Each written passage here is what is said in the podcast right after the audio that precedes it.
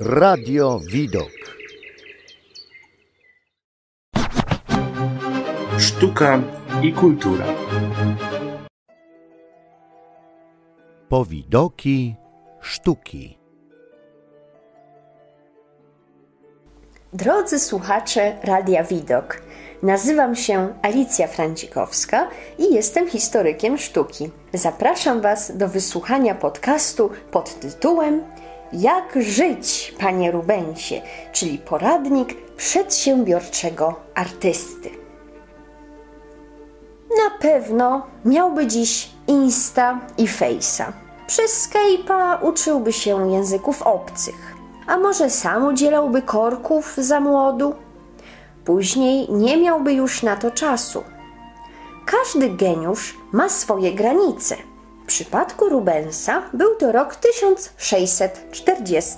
Wtedy mu się zmarło, a żegnano go, dosłownie mówiąc, z wielką pompą. Ale o tym za chwilę.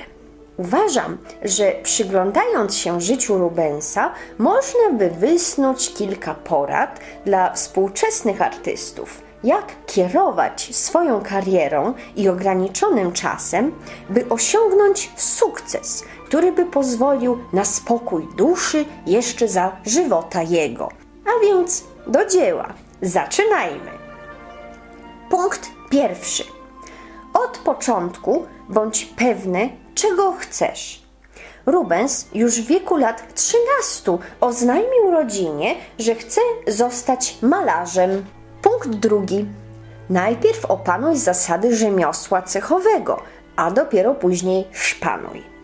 Jak wiemy, nie od razu Kraków zbudowano.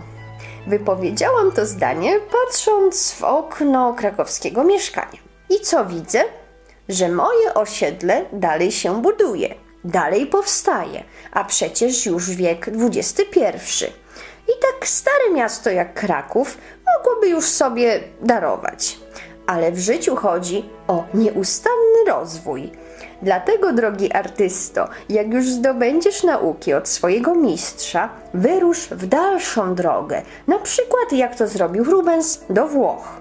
Może nie zostaniesz nadwornym malarzem księcia Gonzagi, ale na pewno tam rozkwitniesz, o ile nie przepijesz całego stypendium. Punkt trzeci. Za młodu kopiuj mistrzów. Przyglądaj się ich pracom, ale tylko po to, by wyciągnąć wnioski i odkryć swój własny, indywidualny styl. Rubens około 1605 roku szkicował sobie w ogrodach watykańskich na przykład y, torso belwederskie. A portret konny księcia Lermy z 1603 roku może być dalekim echem obrazu ukazującego cesarza Karola V na koniu pędzla Tycjana. Oczywiście była to tylko inspiracja. Punkt czwarty. Miej swój wzór do naśladowania, swój ideał. Dla Rubensa był to Tycjan właśnie. Punkt piąty. Ja wiem, że to trudne do przejścia dla indywiduum, ale zaciśnij zęby i dostosuj się do tej porady. Dogaduj się z ludźmi i naucz się pracować zespołowo. O zgrozo! wykrzyknął przerażony artysta, wysłuchawszy punkt piąty. Ale tak trzeba, wybacz. Powiem ci, że Rubens nie wywiązałby się z tych wszystkich zleceń, gdyby sobie wcześniej nie wyszkolił i nie zjednał uczniów. Z tego wynika kolejny punkt, y, szósty już. Bądź dobrym pedagogiem. Może i na ciebie spadnie zaszczyt bycia mistrzem dla jakiego Wandajka? Punkt siódmy. Ubieraj się jak dworzanin, bo jak będziesz chodził w poplamionym t-shircie, zaproponują ci co najwyżej wolontariat, a jak będziesz miał piórko przypięte do kapelusza, dają ci słowo, potraktują cię oczywiście z należytym szacunkiem. Dobra, może trochę przesadziłam, ale wiesz, artysto, o co mi chodzi. Jak cię widzą, tak cię piszą, choć nie szata zdobi człowieka. Punkt ósmy. W swojej pracowni stwórz kolekcję dzieł sztuki. niech cię mają za znawcę, a co? I oczywiście, tak jak Rubens, swoje dzieła wieszaj obok innych. Punkt dziewiąty. Jeśli wiesz, że twój kumpel, na przykład taki brojgel aksamitny, dobry jest w malowaniu kwiatów, zatrudnij go. Punkt dziesiąty. Dbaj o prawa autorskie. Rubens całe życie zabiegał o prawo wyłączności publikowania swoich prac w Niderlandach oraz we Francji. Punkt jedenasty. Dbaj o żonę.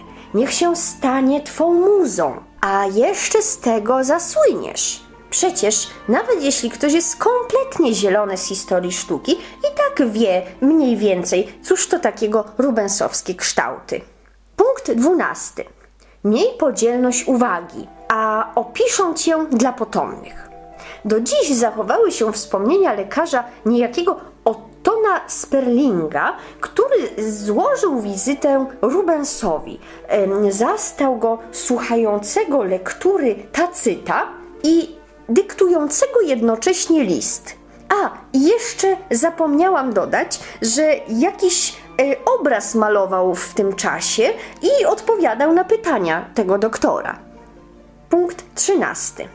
Żyj tak, żeby twój pogrzeb był jak ta pompa funebris. Pogrzeb Rubensa był iście barokowy. 800 nabożeństw żałobnych w antwerpskich kościołach, sześciotygodniowa żałoba, barokowa oprawa całego wydarzenia ukazywały jego rangę. Oto odszedł wielki artysta.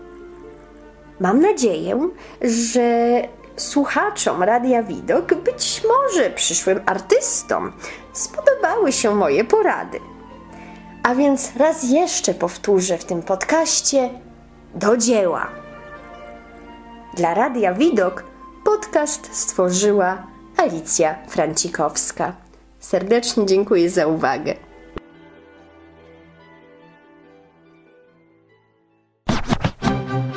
Sztuka i kultura.